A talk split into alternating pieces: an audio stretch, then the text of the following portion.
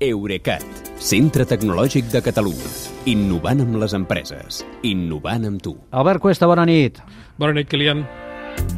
Doncs això que ara explicàvem, eh, la fàbrica de bateries de Volkswagen no vindrà a Martorell, tot i que Europa es posa les piles en mobilitat elèctrica. Se les Mai, posa, mi- però mai millor dit. Sí. les piles se'n van cap allà, eh, diguem-ne.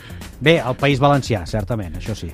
Sí, aviam, uh, amb els tres dies que portem de setmana hi ha hagut tres esdeveniments importants a Europa amb aquest aspecte. Dilluns, Ford va signar un acord amb SK de Corea per construir una fàbrica de bateries a Turquia. Ahir, Elon Musk i el canceller alemany Olaf Scholz van inaugurar a Berlín la primera fàbrica europea de cotxes Tesla que produirà mig milió d'elèctrics cada any.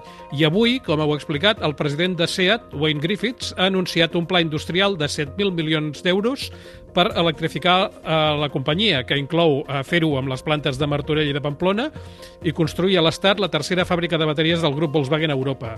Eh, com dèieu, aquesta fàbrica no serà ni a Catalunya ni a Navarra, que és on hi ha les plantes de cotxes del grup, sinó a València, concretament a Sagunt. Està previst que doni feina a més de 3.000 persones i que comenci a funcionar l'any 2026. Eh, la capacitat de 40 gigawatts hora anuals és una sisena part del total de 240 gigawatts hora que Volkswagen preveu produir amb les sis plantes de bateries que té previst construir d'aquí a l'any 2030 a Europa. Uh, la majoria en finançament, per cert, de Goldman Sachs. Uh, la primera, que en realitat és de la seva participada Northvolt, anirà a Suècia. La segona i principal a Salzgitter, a Alemanya, i després, de la de Sagunt, n'hi haurà una, una a l'Europa de l'Est i dues més en llocs que encara s'han de determinar. Quan estiguin totes funcionant, jo calculo que podran equipar cap a 4 milions de cotxes elèctrics. Doncs escolta'm una cosa, mira que ja ho hem dit, eh, però crec que és moment de tornar-ho a preguntar. Aviam com ho veus tu. Per què no ve a Martorell? A veure, Griffiths diu que han triat segon per més de 100 criteris, des de la disponibilitat de mà d'obra qualificada i d'energia verda, que això també té la seva cosa, fins a les connexions logístiques i el suport a les administracions. Eh, en aquest sentit, eh, jo crec que convé no oblidar que Ford té una fàbrica de cotxes al Musafes eh, i que eh, comparteix amb Volkswagen almenys una de les plataformes de, ve- de vehicles elèctrics. Jo avui li he demanat a Griffiths també qui serà el soci tecnològic que porti la química, diguem, a la nova planta de bateries, i m'ha dit que encara no se sap, però que podrien ser més d'un. En tot cas, eh, o seran asiàtics o la sueca Northvolt, de la que Volkswagen ja té un 20%.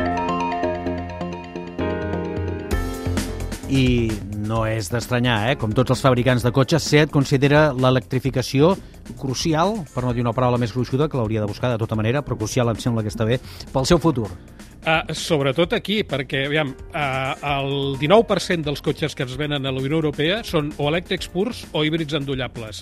Això està molt per sota del 86% de Noruega, el 35% de Dinamarca o fins i tot del 26% d'elèctrics que hi ha a Alemanya. Però és que Espanya és a la cua amb només un 7,5% d'elèctrics venuts. El president de SEAT ja fa temps que ho diu, que per aquesta situació cal, per una banda, ampliar la xarxa de carregadors públics i, per l'altra, les subvencions a la compra de vehicles elèctrics. I, de fet, eh, si t'hi fixes, ha condicionat tota aquesta inversió de 7.000 milions de Volkswagen amb electrificació a l'Estat a que s'aconsegueixin eh, els fons europeus PERTE amb la convocatòria que s'obrirà el primer d'abril. Per cert, SEAT també ha explicat com l'està afectant aquesta escassedat de semiconductors, no? Sí, una cosa que anem, ja és un tema recurrent, sí. n'hem parlat molt. Mira, aviam, SEAT va vendre l'any passat 474.401 cotxes, que per 80.000 d'ells són de la segona marca Cupra. Mm -hmm. Però això són 125.000 125 menys dels que havia previst, i és precisament per la culpa de la manca de xips.